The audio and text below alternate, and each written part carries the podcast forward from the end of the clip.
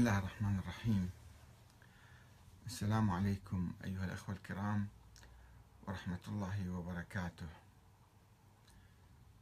بعد قليل نتحدث إن شاء الله عن كتاب المهدي المنتظر في الفكر الإسلامي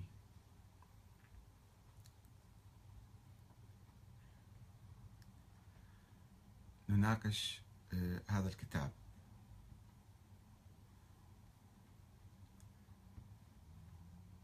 بعد قليل سوف نناقش كتاب المهدي المنتظر في الفكر الإسلامي الصادر عن آه، مركز الرسالة التابع لمكتب السيستاني.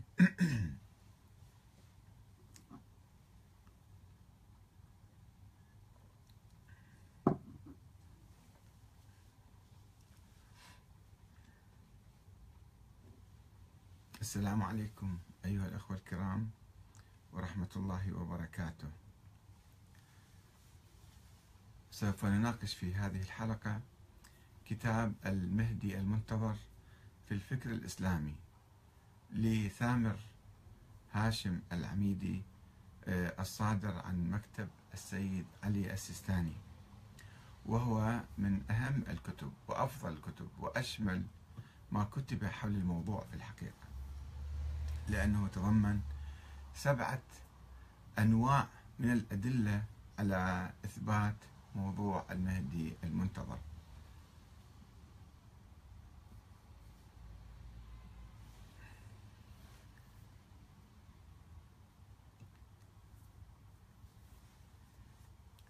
السلام عليكم أيها الأخوة الكرام. أنا فقط كنت أنتظر. أعد آه، كاميرا الفيديو اليوتيوب ولكنها يبدو فيها مشكلة. الآن آه، نبدأ في الحديث لا بأس.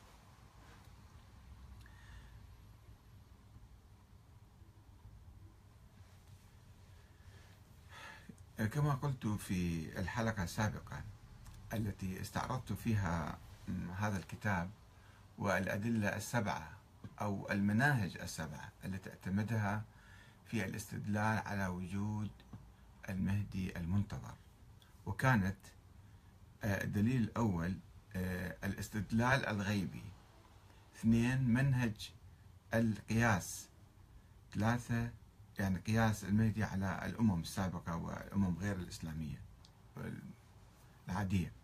ثلاثة منهج التأويل. تأويل بعض آيات القرآن الكريم في هذا الموضوع. طبعا تأويلا آه، تعسفيا.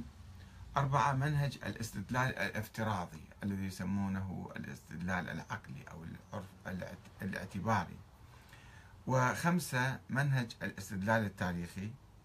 وستة الاعتماد على علماء الأنساب. سبعة منهج الاستشهاد بالخصوم. وهي سبعة مناهج يعني فعلا آه، كل الذين كتبوا عشرات ربما مئات الكتب التي صدرت خلال العشرين سنة الماضية آه، كلها كانت تعتمد على منهج منهجين. وتترك المناهج الأخرى.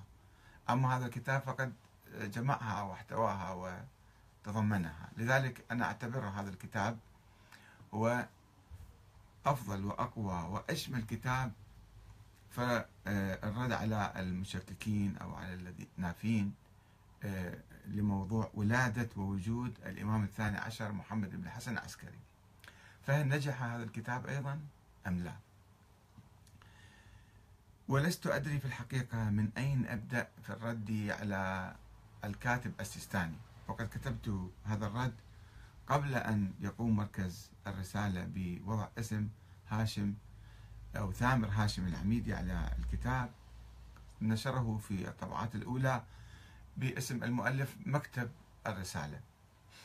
ولكني أربع بمؤسسة تدعي الانتماء إلى العلم والدين والاجتهاد. أن تقدم دفاعا ضعيفا إلى هذه الدرجة مثل ما فعل أخونا المؤلف التابع لمكتب السيستاني. وكنت أفترض بمؤسسة علمية تنتمي إلى المرجعية الدينية أن تأخذ دعوتي لمناقشة موضوع وجود الإمام الثاني عشر بقليل من الجدية والاحترام فتقيم ندوة علمية وتستمع إلى الرأي الآخر. وتناقشه وتقدم ما لديها من حجج وبراهين حتى تقنعه أو تقنع الأجيال الشابة المثقفة التي لا تسمح لنفسها بالتقليد الأعمى في الفروع فكيف بالأصول والعقائد؟ وكل المراجع يقولون لا يجوز التقليد في العقائد. آه، وحتى في الأصول أصول الفقه لا يجوز التقليد. أصل التقليد هل يجوز التقليد أو لا يجوز؟ هذه مسألة عقلية لا يجوز فيها التقليد. كل العلماء يقولون لا تقليد في التقليد فكيف في العقائد؟ وذلك لأن أسلوب التهريج والإرهاب واللف والدوران لن يستطيع أن يمنع مسيرة التحرر والتجديد ولن يفلح بالمحافظة على الخرافات والأساطير. إنني أعرف أن كثيرا من رجال الدين على مر العصور حريصون على مصالحهم المادية التي تمنعهم من قول الحقيقة وقد عانى منهم الأنبياء والمرسلون لكتمانهم الحقائق وتلاعبهم بالأديان ولذلك حذر الله تعالى منهم قائلا آه، حذر منهم في عدة آيات. فويل للذين يكتبون الكتاب بأيديهم ثم يقولون هذا من عند الله. ليشتروا به ثمنا قليلا فويل لهم مما كتبت أيديهم وويل لهم مما يكسبون. ومن أظلم ممن افترى على الله كذبا أو قال أوحي إلي ولم يوحى إليه شيء. ومن قال سأنزل مثل ما أنزل الله. ولو ترى الظالمين في غمرات الموت والملائكة باسطوا أيديهم. أخرجوا أنفسكم اليوم تجزون عذاب اليوم تجزون عذاب الهون بما كنتم تقولون على الله غير الحق وكنتم عن آياته تستكبرون. فمن أظلم ممن افترى على الله كذبا أو كذب بآياته أنه لا يفلح المجرمون ويعبدون من دون الله ما لا يضرهم ولا ينفعهم. ويعبدون من دون الله ما لا يضرهم ولا ينفعهم ويقولون هؤلاء شفعاؤنا عند الله. قل أتنبئون الله بما لا يعلم في السماوات ولا في الأرض؟ سبحانه وتعالى عما يشركون. هؤلاء قوم اتخذوا من دونه آلهة لولا يأتون عليهم بسلطان بين. فمن أظلم ممن افترى على الله كذبا؟ آية أخرى. فمن أظلم ممن افترى على الله كذبا ليضل الناس بغير علم. إن الله لا يهدي القوم الظالمين. فمن أظلم ممن افترى على الله كذبا أو كذب بآياته أولئك ينالهم نصيبهم من الكتاب. حتى إذا جاءتهم رسلنا يتوفونهم. قالوا أين ما كنتم تدعون من دون الله؟ قالوا ضلوا عنا وشهدوا على أنفسهم أنهم كانوا كافرين. إن الذين يكتمون ما أنزلنا من البينات والهدى من بعد ما بيناه للناس في الكتاب أولئك يلعنهم الله ويلعنهم اللاعنون. إن الذين يكتمون ما أنزل الله من الكتاب ويشترون به ثمنا قليلا أولئك ما يأكلون في بطونهم إلا النار ولا يكلمهم الله يوم القيامة ولا يزكيهم ولهم عذاب أليم. صدق الله العلي العظيم. لاحظوا آيات كثيرة تتحدث عن قيام مرتزقة العلماء بالتلاعب بالأديان تلاعب بآيات الله وكتمان آيات و يعني آه، من أجل خداع الناس واكتساب الأمور المادية في الدنيا. ولذلك لم أكن أتوقع أن يهب رجال الدين ما يسمون برجال الدين الذين يعيشون على خمس الإمام المهدي أن يهبوا للمبادرة بالاعتراف بحقيقة عدم وجوده. ولملمة سفرة صاحب الزمان كما يسمونها التي يأكلون عليها. ولكني في الحقيقة لم أكن أتوقع أن يأتي ردهم متهافتا وضعيفا إلى هذه الدرجة وعنيفا إلى هذه الدرجة. وهو, وهو ما يعبر عن ارتباكهم وخوفهم من افتضاح أمرهم وانهيار أساطيرهم. إن محور موضوع كتابي تطور الفكر السياسي الشيعي من الشورى إلى ولاية الفقيه. الإمام المهدي حقيقة تاريخية أم فرضية فلسفية. كان يدور حول ولادة محمد بن الحسن العسكري الذي يعتبر الإمام الثاني عشر لدى الشيعة الإمامية الاثنى عشرية والذي يشكل أساس نظرية الإمامة الإلهية لأهل البيت. ولم يكن يدور حول موضوع المهدوية في العالم لا في الماضي ولا في المستقبل ولا في التاريخ. ما كان موضوعي المهدي المنتظر موضوعي ولادة ابن للإمام الحسن العسكري. ولم يكن يدور حول موضوع المهدوية في العالم لا في الماضي ولا في المستقبل. وقد اتخذ صفة ثانوية بنسبة المهدوية إليه. بعد الإقرار بعد إثبات وجوده يعني. وما لم نثبت وجوده أولا فإن من العبث التحدث عن صفة الإمامة أو المهدوية له. نقول أنه هذا إمام هذا معصوم هذا كذا كذا صفته كذا جسمه كذا. أول شيء اثبت ولادته وجوده بعدين تحدث عن صفاته. وسواء كان الإيمان بالمهدي العام جزءا من عقيدة المسلم أو لم يكن. وأنه يحتاج إلى أدلة شرعية أو لا يحتاج. فإن هذا ليس موضوعنا. ولا يمكن الاستدلال بالأحاديث العامة حول المهدوية وخروج رجل مصلح في آخر الزمان كما يعتقد المسيح أو اليهود أو البوذيين أو الهندوس أو المجوس. شنو علاقته في ولادة محمد بن الحسن العسكري؟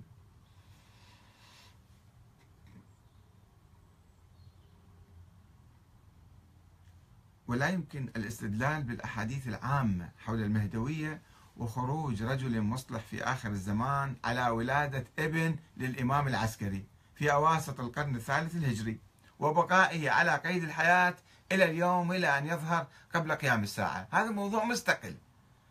ابحثوا هذا الموضوع. لا تبحثوا للمهدوية والمهدوية عند الأديان الأخرى وكذا وكذا. ومن هنا فإنه لا يهمنا كثيرا سواء كانت أحاديث المهدي أخبار آحاد أو متواترة. طبعا هي مو متواترة ولكن يسموها متواترة. أوكي. أو نطقت بها الصحاح والمسانيد والسنن كما يقول الكاتب من من مكتب السيستاني الذي أتعب نفسه كثيرا بمحاولة الاستدلال على هذه الفكرة قياسا على الأمم والشعوب المختلفة المؤمنة وغير المؤمنة وحاجتها للمنقذ المخلص. فإن دين الله لا يبنى بهذه الطريقة. يا أخي العزيز يا أعضاء مكتب السيد السيستاني إن دين الله لا يبنى بهذه الطريقة وإنما ينهض بالقياس على المجتمعات والشعوب الأخرى وإنما ينهض على أساس القرآن الكريم والأحاديث النبوية الصحيحة وإثبات ولادة إنسان يعتمد على الأدلة التاريخية فقط. ونقطة نقطة آخر السطر. ولادة إنسان لا يمكن بأي منهج أن تبحثه وتثبته لا منهج عقلي ولا غيبي ولا افتراضي ولا كذا. يحتاج إلى أدلة تاريخية. ابحث الأدلة التاريخية. طيب الآن نشوف كيف بحث هذا الكاتب العميدي التابع لمكتب السيستاني موضوع آه، ولادة ابن الحسن العسكري. أما منهج تأويل القرآن الكريم الذي اعتمده الكاتب السيستاني تأويل تحسفي كان. آه، في محاولته الاستدلال على ولادة ابن الحسن العسكري. فبالإضافة إلى ضعف هذا المنهج فإنه لا يدل على مطلوبه لأنه أيضا عام ويتحدث عن أشخاص سابقين ولا علاقة للإمام. له بالإمام الثاني عشر المفترض. الذي لم تكن نظرية مهدويته قد وجدت بعد. إذا كانت الآيات القرآنية تدل على واحد منقذ مخلص أو مخلص أو شيء فأيضا فكرة عامة ما تدل على ولادة محمد ابن الحسن العسكري.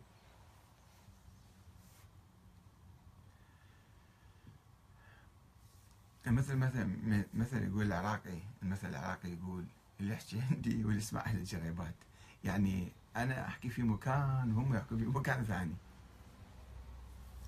ونأتي إلى الدليل الأقوى والأهم والأول الذي اعتمده القائلون بوجود الولد في التاريخ قبل ألف سنة 1200 300 سنة.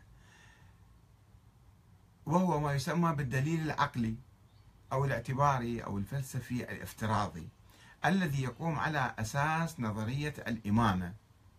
وضرورة وجود إمام معصوم في الأرض. هاي نظرية الإمامة أنه دائما لازم يكون موجود واحد وعندهم أحاديث يستندون عليها. أنه حول أهمية الإمامة وضرورة الإمامة. طيب.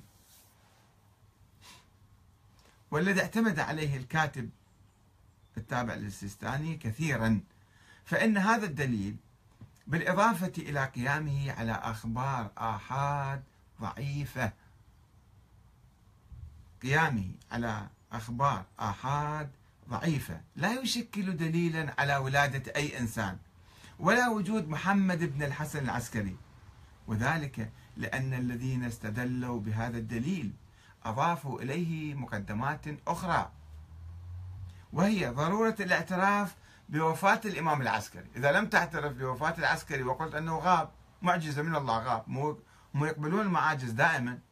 طيب ليش المهدي. ابن العسكري يغيب 1000 1200 سنة. خلي العسكري يغيب. العسكري ما مات أصلا ما مات. هو غاب كما قال فريق من الشيعة. أولا يجب أن تعترف يعني بعد نظرية الإمامة يجب أن تعترف بأنه لازم الإمام العسكري مات. تقر أنه مات. إذا ما قررت مات ما يصير ما يعني العملية الفكرية ما تمشي. وعدم رجعته. اكو ناس قالوا غاب هو سوف يرجع. لا أنه ما يرجع. وعدم الوصية إلى أخيه محمد. اكو ناس قالوا لا الهادي وصى إلى محمد ومحمد غاب سيد محمد في بلد. وضرورة انتقال الإمامة بصورة عمودية. إذا ما قلت الإمامة بصورة عمودية فقط النقطة هاي اللي هي ما مبنية على أي آية قرآنية أو قاعدة أو سنة نبوية أو قاعدة عقلية. لماذا يجب أن تستمر الإمامة في الأعقاب وأعقاب الأعقاب هكذا أبدا إلى يوم القيامة بصورة عمودية؟ خلي تروح إلى أخو واحد ثاني. إذا ما عنده إذا ما عنده الواحد أولاد تروح الأخو إلى ابن أخوه إلى عمه ابن عمه من أهل البيت مثلا. لا. هذه أيضا يجب أن أنت تبت فيها وتحسم وترفض أنه الإمامة تنتقل من واحد إلى واحد إلى أخ أو إلى ابن أخ أو ابن عم. وضرورة انتقال الإمامة بصورة عمودية إلى يوم القيامة. وأخيرا فإنه ليس سوى عملية افتراض تعسفية وهمية بلا دليل. طيب قلت بكل ذلك أين هو الدليل على ولادة ابن الإمام الحسن العسكري؟ وهو الذي نفى وبالمحكمة كتب أنا ما عندي أولاد. عند القاضي ابن أبي الشوارب سجل الوصية مالته. وعنده أموال وضياع وبساتين وكذا فلوس قال مطوها إلى أمي. وهذا كل كتب الشيعيه تعترف بذلك. ولكنها تقول لا هو يعني يعكسون الظاهر. كما قلت لكم الباطنيين يفسرون الأحداث دائما بالمقلوب. دائما ما يأخذون بظاهر الأحداث والأقوال أقوال الأئمة. عندهم نظرية سرية باطنية. فيمشوها باسم التقية. انه كل هذا الشيء اللي سواه الإمام سواه تقية. فإذا هي فرضية. يعني هاي نظرية الإمامة إذا استندنا عليها هي نظرية ضعيفة ما قام على أسس متينة. ثم وصلت إلى طريق مسدود وانتهت. فإجا جماعة افترضوا فرضية على النظرية. فرضية وجود ولد الحسن افتراض افتراض وهمي تعسفي. ومن هنا فإن الشيعة الإمامية الفطحية في التيار آخر من الشيعة كانوا معروفين بالفطحية نسبة إلى عبد الله الأفطح ابن الإمام جعفر الصادق. هذول كانوا يقولون مو شرط تكون الإمامة تنتقل بصورة عمودية. إذا شفنا إمام عبد الله الأفطح مثلا ما عنده ولد نروح إلى موسى بن جعفر. الإمام رضا ابنه طفل صغير الجواد كان عندما توفي نروح إلى أخوه أحمد. الإمام الهادي كان أيضا طفل صغير عمره سبع ثمان سنوات عندما توفي أبوه. نروح إلى موسى المبركع مثلا. يعني دائما كانوا ينتقلون من واحد لواحد. ما كانوا يلتزمين بقوة وبشدة بهذا الشعار اللي ما عنده أساس. يسموهم؟ الشيعة الفطحية وهم موجودين بني فضال من علماء الشيعة الكبار. لذلك كانوا أتباع الحسن العسكري ولكنهم لم يؤمنوا بفرضية ابن له قال له طيب مات ما عنده ولد روح الأخو جعفر. فانتهت القصة. فما لسنا بحاجة إلى افتراض لسنا مضطرين إلى افتراض إنسان وهمي لحسن العسكري. لم يكونوا يشترطون الوراثة العمودية ويجوزون إمامة الأخوين أو يجيزون إمامة الأخوين. والذين كانوا يتبعون الإمام الحسن العسكري لم يقولوا بفرضية وجود الولد بعد وفاته وإنما قالوا بإمامة جعفر بن علي الهادي. وكان رجل ابن إمام ورجل صالح. كل الأقاويل اللي حوله كلها كذب هاي دعايات.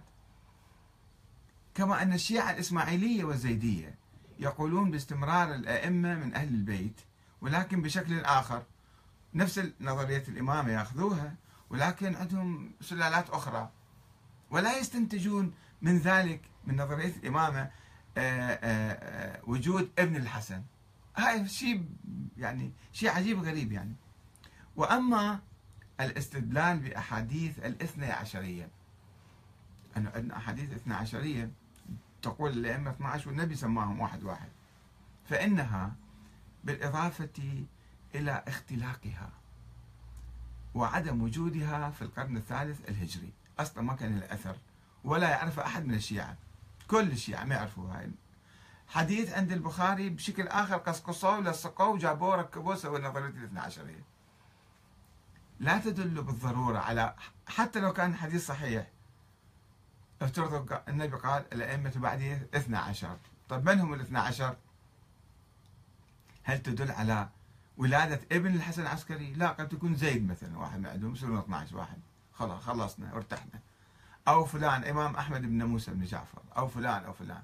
فليش نسويهم إلا نفترض نفترض وجود ولد الإمام الحسن العسكري؟ الفرض مستحيل ما يجوز بالدين الافتراض الافتراضات. ديننا ما يقوم على الفرضيات. الوهمية. فحتى لو صح حديث الاثنى عشرية نفترض هو ما ما يدل على ولادة ابن الحسن العسكري. إلا على طريقة الافتراض والظن والتخمين. وهذا كله بعيد عن الدين. ويمكن أن تنطبق على آخرين. إذا حسبنا مثلا الإمام زيد بن علي من قائمة الأئمة كما فعل بعض الشيعة. وهكذا يتهاوى أول وأقوى وأهم دليل قدمه المتكلمون الإماميون الاثنى عشريون. على وجود الإمام الثاني عشر محمد بن حسن العسكري. هم كانوا يقولون أقوى دليل عندنا هو الدليل العقلي اللي هو نظرية الإمام. هو مو عقلي نظرية يسموه عقلي. نظري يعني نقدر نسميه نظري. والذي كان يعبر عن أزمتهم الفكرية التي وقعوا فيها بعد وفاة الإمام العسكري دون خلف فاضطروا إلى اختلاق ولد موهوم لا حقيقة له لكي تستمر فيه الإمامة إلى يوم القيامة. ومن ذاك اليوم إلى اليوم إحنا ما عندنا إمام. جالسين ننتظر هذا الإمام حتى يخرج ويقيم لنا يسوي لنا ثورة ويسوي لنا حكومة أو دولة نايمين بالسراديب. إلى أن جاء الإمام الخميني رحمة الله عليه والعلماء المجددين فأبدعونا واجتهدوا نظرية ولاية الفقيه أو النظرية الديمقراطية الآن. وقالوا إلى متى ننتظر؟ الإمام المهدي خلي نخرج وإحنا نسوي حكومة. وصارت ما يحتاج واحد يجينا من السماء حتى يسوي لنا حكومة. إحنا سويناها.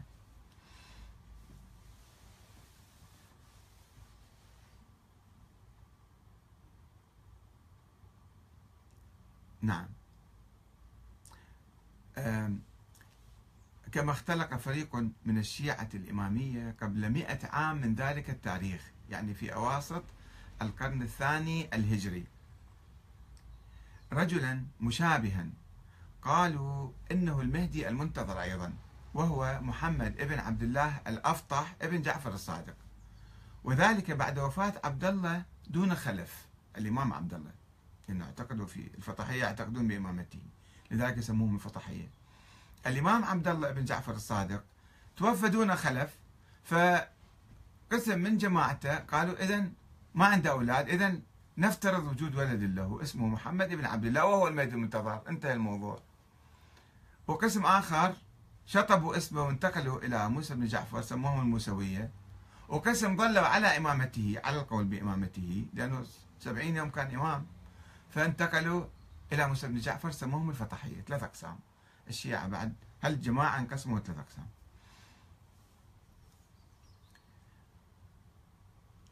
آه، وكان الأجدر بالفريق الذي اختلق الولد للإمام العسكري أن يعترف بالحقيقة ويسلم أمره إلى الله وينتقل بالإمامة إلى أخيه جعفر كما انتقل الشيعة الفطحية من عبد الله إلى أخيه الإمام موسى الكاظم. وإذا كان الشيعة الاثنى عشرية يتهمون ذلك الفريق الذي اختلق الولد الموهوم للإمام عبد الله الأفطاح. خلينا نقرأ كتب الشيعة. شو يقولون عن ذاك الإنسان؟ ذلك الجماعة الذين اختلقوا محمد بن عبد الله بن الأفطاح. يتهمونهم أنهم ذولا اختلقوا هذا الشيء تهربا من الاعتراف بالحقيقة. فلماذا لا يراجعون أنفسهم ويعترفوا هم بالحقيقة؟ لماذا يكررون نفس الخطأ السابق؟ وفي الواقع أن معظم الشيعة في تلك الأيام اعترفوا بالحقيقة بعد وفاة الحسن العسكري وانصرفوا يبحثون عن قائد جديد لهم ولم يتشبث بتلك الفرضية الوهمية اللامعقولة إلا قليل منهم. كما اعترف بذلك مؤرخو الشيعة في القرن الرابع كالنعماني ابن أبي زينب محمد بن أبي زينب النعماني في كتابه الغيبة والصدوق في إكمال الدين وقد عرضنا لأقوالهم في كتابنا بالتفصيل ومن أراد الإطلاع عليها فليراجع. ولكن الغريب هو إصرار البعض على إغلاق ذهنه ورفضه للتفكير أو إعادة الاجتهاد والنظر في الموضوع بعد مرور أكثر من ألف عام على ذلك القول. والأغرب من كل ذلك أن يأتي رجل من صميم الحوزة العلمية كالكاتب التابع لمكتب السيد السيستاني. ليغمض عينيه ويقول لسنا بحاجة إلى ما يبين ولادة الإمام المهدي ويثبتها تاريخيا. وإن البحث عن ولادة الإمام المهدي وبيان ثبوتها شرعا بحث غير طبيعي. يعني أنت إذا قلت أعطوني أدلة تاريخية على ولادته يقول لك لا لا لا هذا هذا مو طبيعي. سؤالك مو طبيعي بحثك غير طبيعي ما, ما في حاجة. ما في حاجة أن تبحث عن أدلة تاريخية. لاحظوا كيف يتهرب ويسد الباب من الأساس يعني. أو يقتلع كما يقول المثل الفارسي يقتلع الأمور من الجذور يعني. إذا ما هو الطبيعي؟ ما هو الطبيعي في هذا البحث؟ نسأل مكتب السيد السيستاني والعلماء الأعلام الموجودين في هذا المكتب. هل تقبل الأساطير بلا دليل هو الطبيعي؟ وهل التقليد الأعمى للمقلدين الذين يدعون الاجتهاد يدعون الاجتهاد هو الطبيعي؟ يعني يجي كاتب هو مقلد لم يفكر ولم يبحث ولم يحقق ولم يعيد النظر ولم يجتهد يقلد السابقين. نجي نقلده إحنا مرة ثانية؟ هذا طبيعي؟ تقليد المقلد طبيعي؟ أن الدليل التاريخي هو الدليل الوحيد والمعقول الذي يمكن بواسطته إثبات وجود إنسان أو ولادته في التاريخ. وبما أن القول بوجود الإمام الثاني عشر فرضية أسطورية وهمية لا حقيقة لها في الخارج فإن أصحاب هذه النظرية يحاولون التهرب من محكمة التاريخ ويلجؤون إلى الافتراضات الفلسفية المتهافتة ويغلفونها بغلاف العقل. أو يدعون أن ذلك من الغيب الذي يجب أن نؤمن به بلا سؤال ولا تفكير.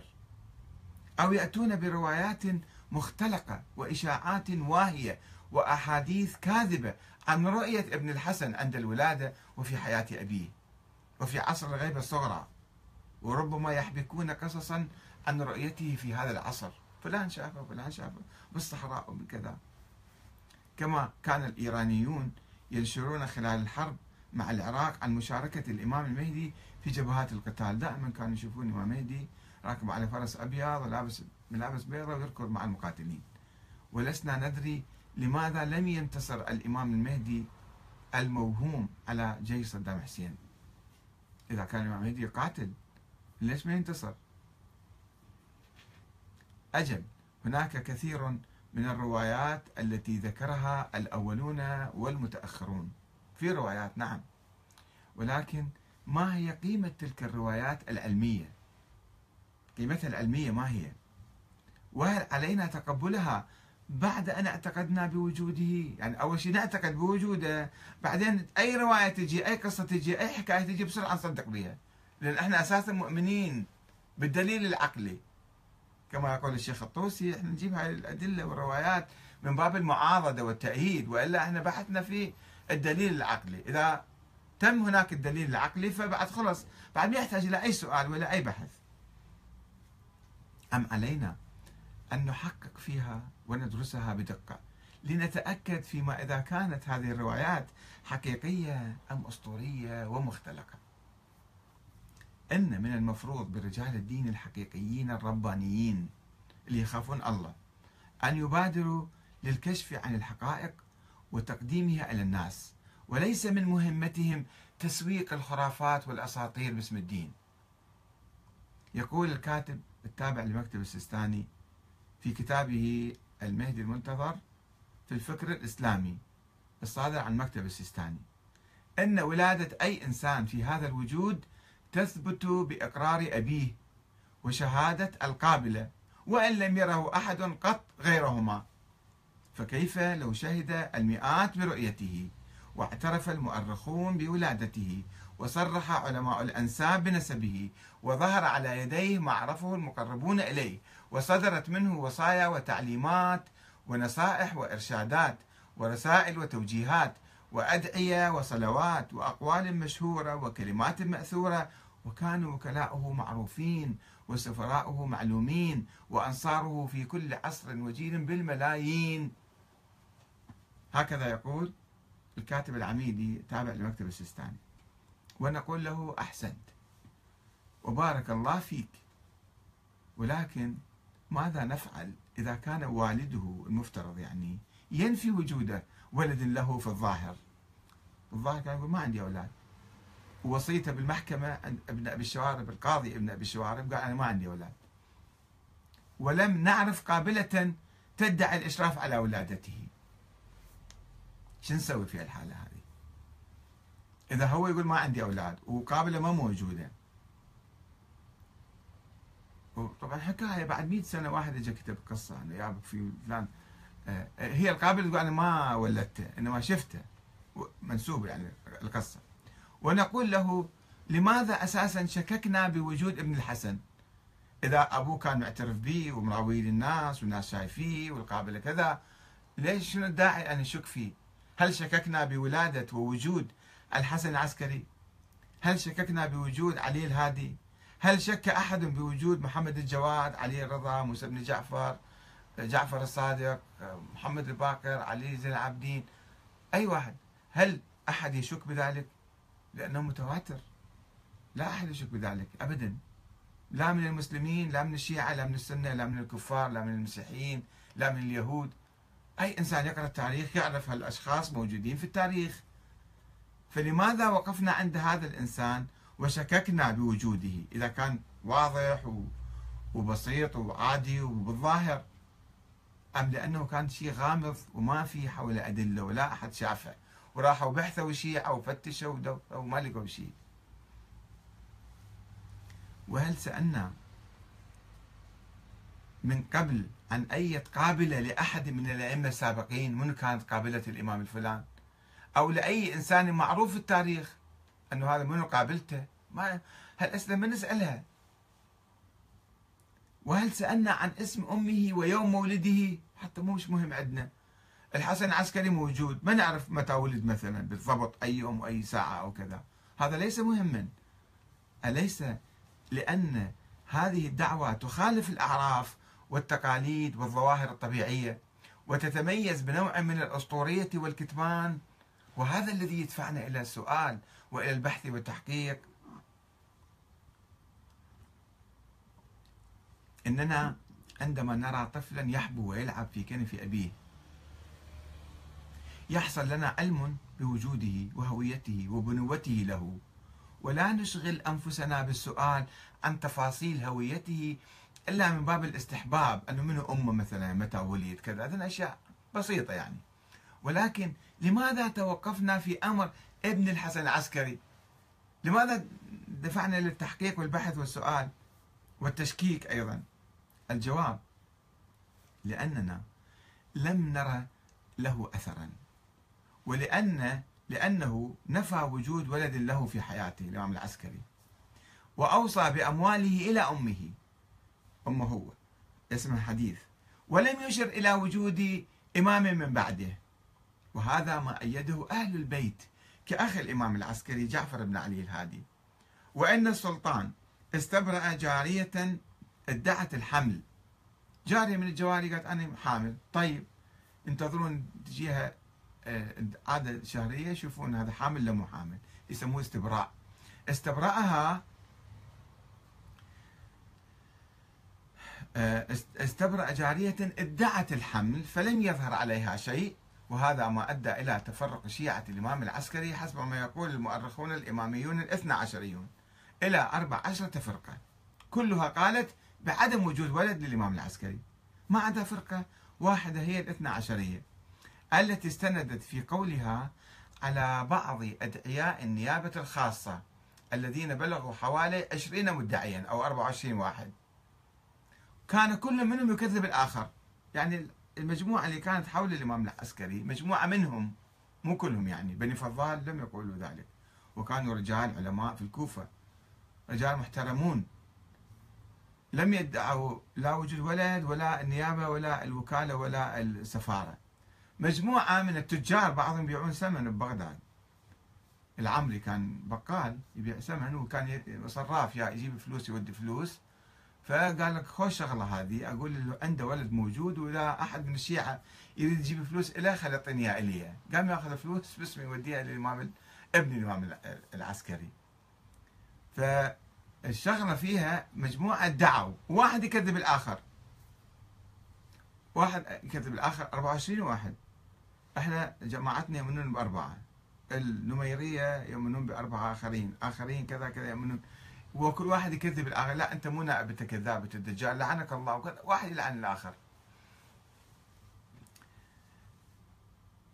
كان كل منهم يكذب الآخر ويدعي النيابة الخاصة له. وهذا ما دفعنا للتشكيك بصدقهم جميعا. إذا كلهم كان واحد يكذب الثاني فكلهم قد يكونوا كذابين. شيء معقول أن إحنا نشكك بهم كلهم كلهم كذابين. وخاصة عندهم مصلحة. وأن قولهم خصوصا وأن قولهم يخالف الظاهر أولا والمعروف من حياة الإمام العسكري وهو حجة شرعية وقانونية. الظاهر حجة شرعية وقانونية. الآن كل المحاكم تأخذ بالظاهر والقانون الإسلامي يأخذ بالظاهر والظاهر ما عنده أولاد فلا يجوز إحنا نقول شيئا خلاف الظاهر. هذا أولا. ولا يجوز رفع اليد عن الظاهر إلا بدليل علمي وشرعي قوي. اسأل العلماء اسأل المراجع. واحد توفى ما عنده أولاد. هل يجوز أن ننسب له ولدا في السر؟ وهل هذا معتبر شرعا وقانونا؟ اسأل أي مرجع تردون؟ شوفوا شو شو يقول لكم.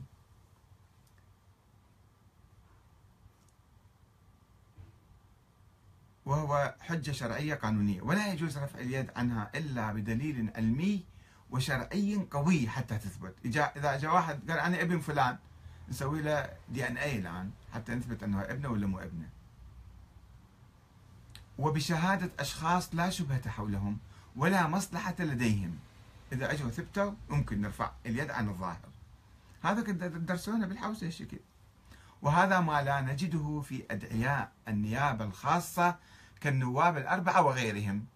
من الذين أصبحوا على مر التاريخ ثقات وورعين. بعدين صاروا ثقات وورعين.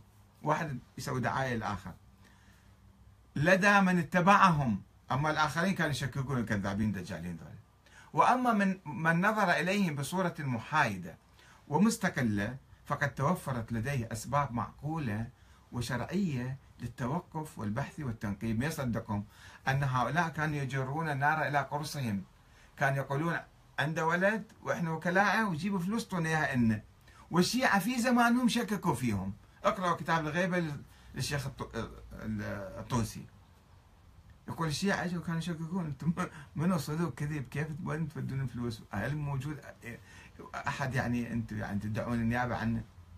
وعندما راجعنا التاريخ وسألنا علماء الشيعة الإمامية الاثنى عشريه السابقين ممن عاشوا في القرون الأولى كالقرن الثالث والرابع والخامس عن أدلتهم العلمية على وجود الولد للإمام العسكري قالوا بصراحة وأمانة أن لا دليل تاريخية لهم لديهم. ما عندهم دليل تاريخي. علماء الأوائل هكذا كانوا يقولون. وإنما هم يعتمدون على الافتراضات الفلسفية بالدرجة الأولى. وإنما يأتون بالروايات التاريخية أو حقيقة إشاعات يعني مو روايات هي. لأن لا بها مصدر لا بها كذا خيالية خرافية أسطورية. آه، من باب المساندة والتعظيم. وإلا فإنهم يعرفون أن تلك الروايات أوهى من خيط العنكبوت. وأنها لا تقاوم النقد التاريخي العلمي. وكما قال السيد المرتضى علم الهدى أن الغيبة فرع لأصول إن صحت. يعني نظرية الإمام يقصد. فالكلام في الغيبة أسهل شيء وأوضحه. إذ هي متوقفة عليها على نظرية الإمامة وإن كانت غير صحيحة هذيك الأصول نظرية الإمامة مو صحيحة. فالكلام في الغيبة صعب غير ممكن. ما يمكن إحنا نبحث الموضوع. ما, عندنا أي دليل عليه. هذا السيد المرتضى علم الهدى في القرن الخامس الهجري. هكذا يقول. أو كما قال أيضا عبد الرحمن بن قبة الرازي في القرن الرابع. لا نتكلم في فرع لم يثبت أصله. كما يسألوه شو دليلك على وجود ابن الحسن؟ يقول لا لا تبحث معي الموضوع ابحثوا موضوع الإمامة. إذا بحثنا موضوع الإمامة فبعدين نفترض وجوده. لا نب... لا نتكلم في فرع لم يثبت أصله. وهذا الرجل مقصود ابن الحسن يعني الذي تجحدون وجوده. تقول أصلا ما مولود. فإنما يثبت له الحق بعد أبيه. فلا معنى لترك النظر في حق أبيه والاشتغال بالنظر معكم في وجوده.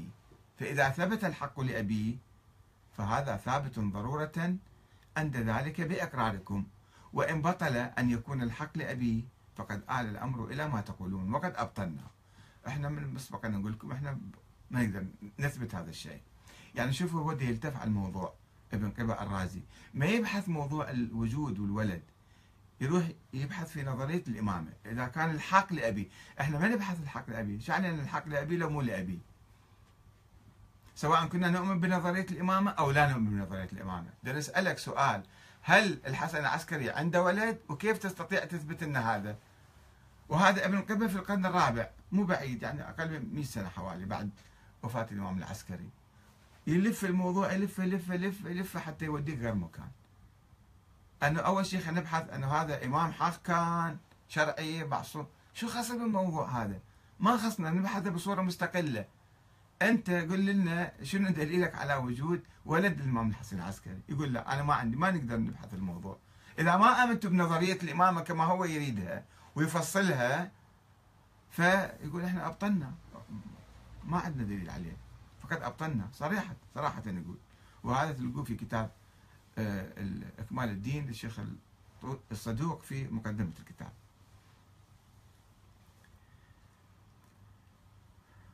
ولم يقل المرتضى ولا ابن قبة الرازي ولا الشيخ المفيد ولا الشيخ الطوسي ولا غيرهم إنهم يستطيعون إثبات وجود ابن الحسن بالطرق التاريخية. والروايات الضعيفة والمختلقة التي نسجها الأخباريون فيما بعد. كانوا يجون ناس ويسوون روايات مثل ما شفنا السيد الشيرازي رحمة الله عليه. شلون يجيب روايات يعني أسطورية في الموضوع. كما لم يعتمد الشيعة الذين آمنوا بوجود الإمام الثاني عشر على أقوال النواب الأربعة أو غيرهم ممن كان يدور حولهم وإنما اضطرارا واستنتاجا وانسجاما مع نظرية الإمامة. وإلا فإنهم كانوا يشككون بصحة ادعاء النواب الأربعة أو الأربعة والعشرين الآخرين. ولذلك فقد كان هؤلاء يدعون كان يسألوهم اقرأوا كتاب الغيبة للطوسي شوفوا كيف كان الشيعة يسألون النواب الأربعة. وكيف يثبتون ذول النواب الأربعة صدقهم وصحة كلامهم. يقولون نجيب معاجز عندنا علم غيب. عجيب غريب النبي محمد ما كان يسوي معاجز. ولا يجيب ولا عنده علم الغيب. وذولا في كل صغيرة وكبيرة عندهم علم غيب. وإلا فإنهم كانوا يشككون بصحة ادعاء النواب الأربعة والعشرين الآخرين ولذلك فإن فقد كان هؤلاء يدعون اجتراح المعاجز والمعرفة بعلم الغيب وهذا ما كان يرفضه الشيعة ولا يصدقونه منهم. ولكن هذا في التاريخ يعني كان في قضية جدلية كبيرة ولكن شوفوا علماءنا اليوم كيف ينظرون. هذه مسلمات بديهيات ضروريات واضحات ما يحتاج نبحث فيها. يعني يبررون نفسهم التقليد الأعمى. هم يدعون المرجعية والإجتهاد ويقلدون في عقائدهم تقليد أعمى. ويمنعون أحد من التفكير أو من الاقتراب من هذا الموضوع. ولكن مشكلة العلماء المعاصرين أنهم لا يريدون الاجتهاد ويفضلون التقليد الأعمى ويدعون الصحة لأحاديث كان يضعفها السابقون. ولو أنهم درسوها بصورة محايدة ولم يقلدوا فيها من سبقهم لعرفوا مكامن الضعف فيها ولم يحكموا بصحتها أبدا. لذلك جايين جماعتنا الأخباريين خلينا نلغي منهج التحقيق والبحث حتى نغرف بالخرافات وبالأساطير.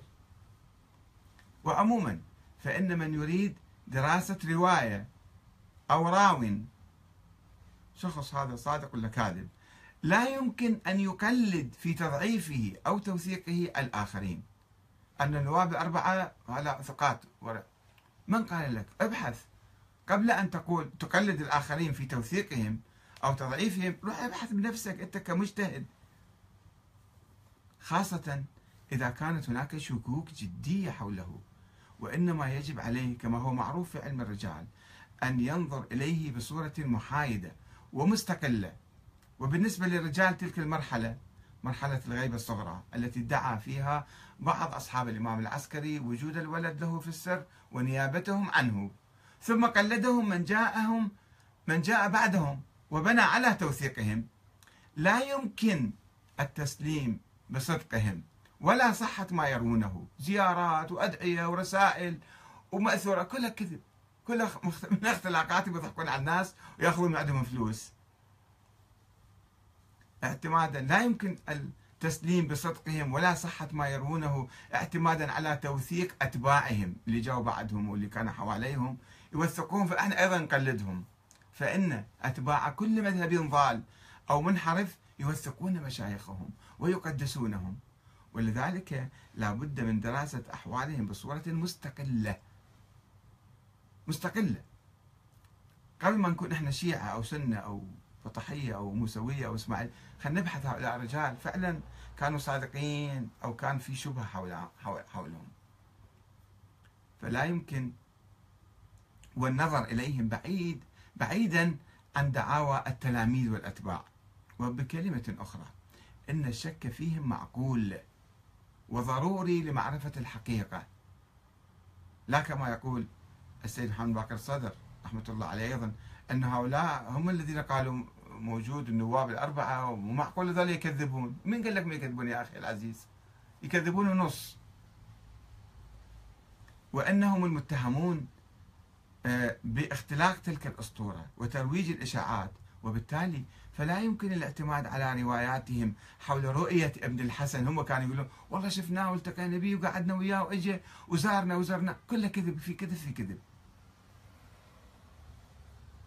ونقل الأحاديث والزيارات والتواقيع عنه حتى رسالة واحدة ما مراوين خط الإمام اللي يدعون أنه من نوابه كلها كانوا يضموها بجيوبهم وإحنا هاي الرسالة وردتنا وهو كاتبها بخط إيده هو. يقول أنه قال لي اكتبها بخط إيدك. طيب إذا بخط إيدك شلون واحد ثاني كتب لك رسالة. أنا أكتب لك ألف رسالة هالشكل إذا تريد. أن المشكلة الكبرى في مسألة وجود الإمام الثاني عشر تكمن في أننا لم نرى أحدا وإنما سمعنا همسا مريبا وحكايات سرية تخالف الظاهر وقوانين الشريعة الإسلامية. وقد مرت قرون وقرون ولم يظهر ذلك الولد المزعوم. وإذا كانت هذه القضية مسألة عقائدية ومهمة جدا فإن طريق إثباتها لا يمكن أن يتم بهذه الطريقة السرية الغامضة. فإن الله تعالى لا يمكن أن يحتج على البشر بإمام مستور كالشبح لا يرى بالعين. وإذا ما آمنت بيوديك بالنار يوم القيامة. شو الحكي هذا؟ أن المجتهدين في كل زمان ومكان يبحثون السند قبل المضمون. فهل بحث الكاتب التابع المكتب السيستاني سند تلك الروايات التي استشهد بها حول ولادة ابن الحسن؟ وهل عرف ما هو سند حكاية القابلة؟ يقول القابلة شهدت. أنت شفت القابلة حكيت وياك أنت شخصيا ولا قاعد تروي روايات. من وين جبت الرواية؟ من أي كتاب؟ من أي سند؟ من أي راوي؟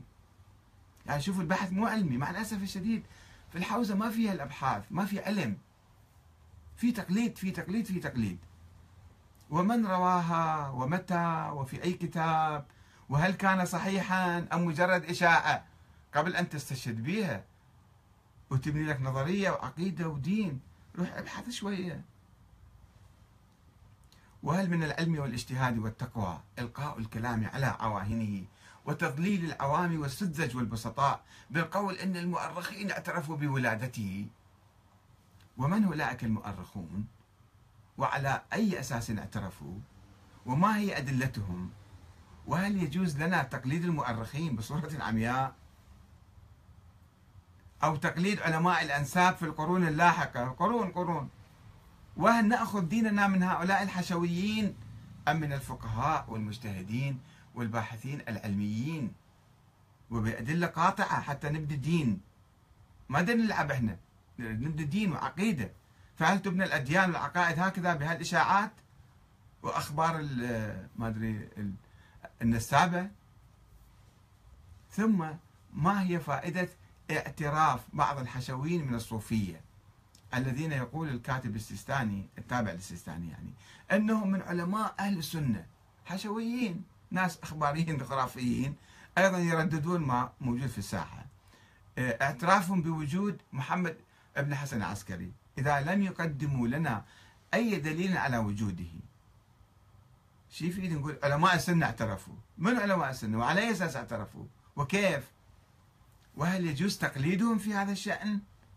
وإذا كانوا حقا يؤمنون بما يقولون فلماذا لم يصبحوا شيعة اثنى عشرية؟ ولماذا يرفضون أساس مبدأ الإمامة؟ وعلماء السنة يعترفون. إذا هم علماء وسنة وأتقياء فليش ما صاروا شيعة؟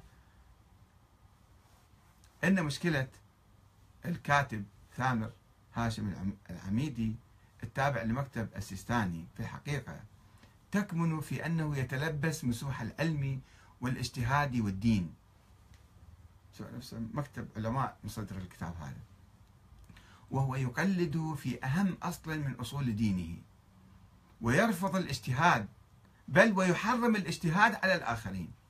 ويريد منا أن ننام على الخرافات والأساطير الموروثة التي أصبحت منبعا لا ينضب للثروات اللامشروعة.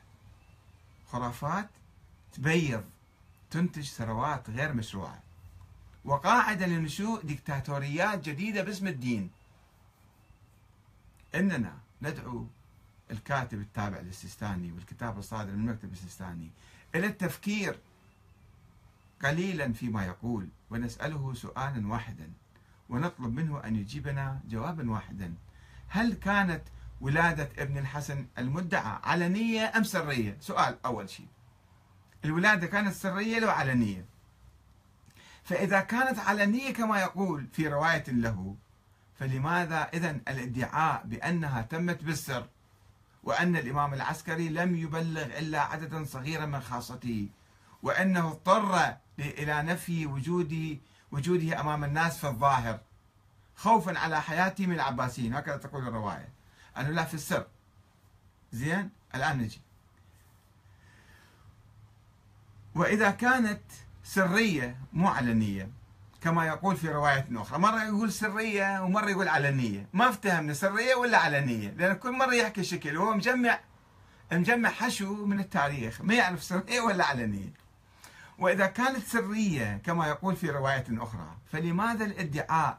إذا بأن الإمام العسكري أخبر الكثير من أصحابه من الخدم والجواري والأصدقاء بمولده حتى أنه عق عنه. ذبح عقيقة يعني. وأراه إلى المئات كما يقول. وأنه صلى على أبيه أمام الناس. وأنه كان يستقبل الوفود ويأخذ الأموال منهم. وأنه كان يعيش في دار أبيه في سامراء. يعني بصورة ظاهرة عليه مرة يقولون سرية وخايف عليه قتلوه مرة يقول علني وقاعد ويروح ويجي ويصلي على جثمان أبوه. فشوف التناقض بين الروايتين وما مفكر بهذا التناقض. هو يروي الروايات وما يفكر فيها تناقض ظاهر يعني. وهاي من صفات الأطفال أنه ما يفكرون بالتناقض. ما يقدرون يدركون التناقض بالروايات. بس كل ما واحد ينضج شوية عمره يصير أكبر بسرعة يلتفت. ومع الأسف اللي ينقلون هالروايات عايشين طفولة فكرية. كما يقول علم الإدراك علم النفس الإدراكي.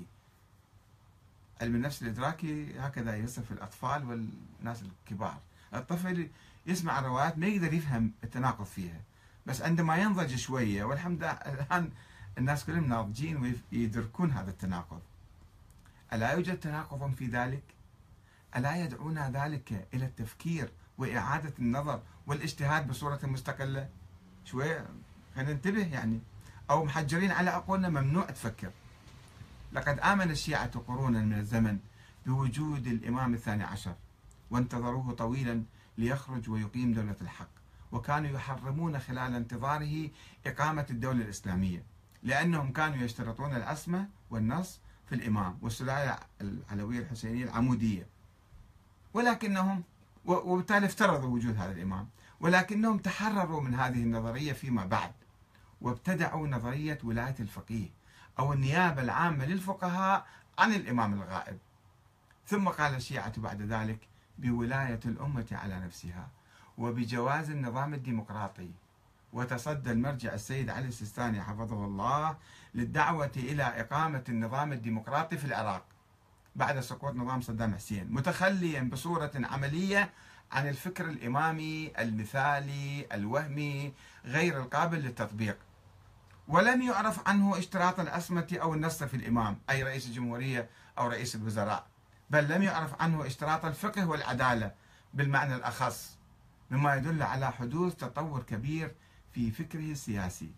وانفصام الذين يدعون الانتساب إلى السيستاني كصاحبنا هذا الكاتب العميدي الذي يدعي الانتماء إلى حوزته والعمل في مرجعيته. وهذا ما يدل على أن الأمة تسير في واد وأن الماضويين ينامون مو يسيرون. ينامون في واد آخر. والسلام عليكم ورحمة الله وبركاته.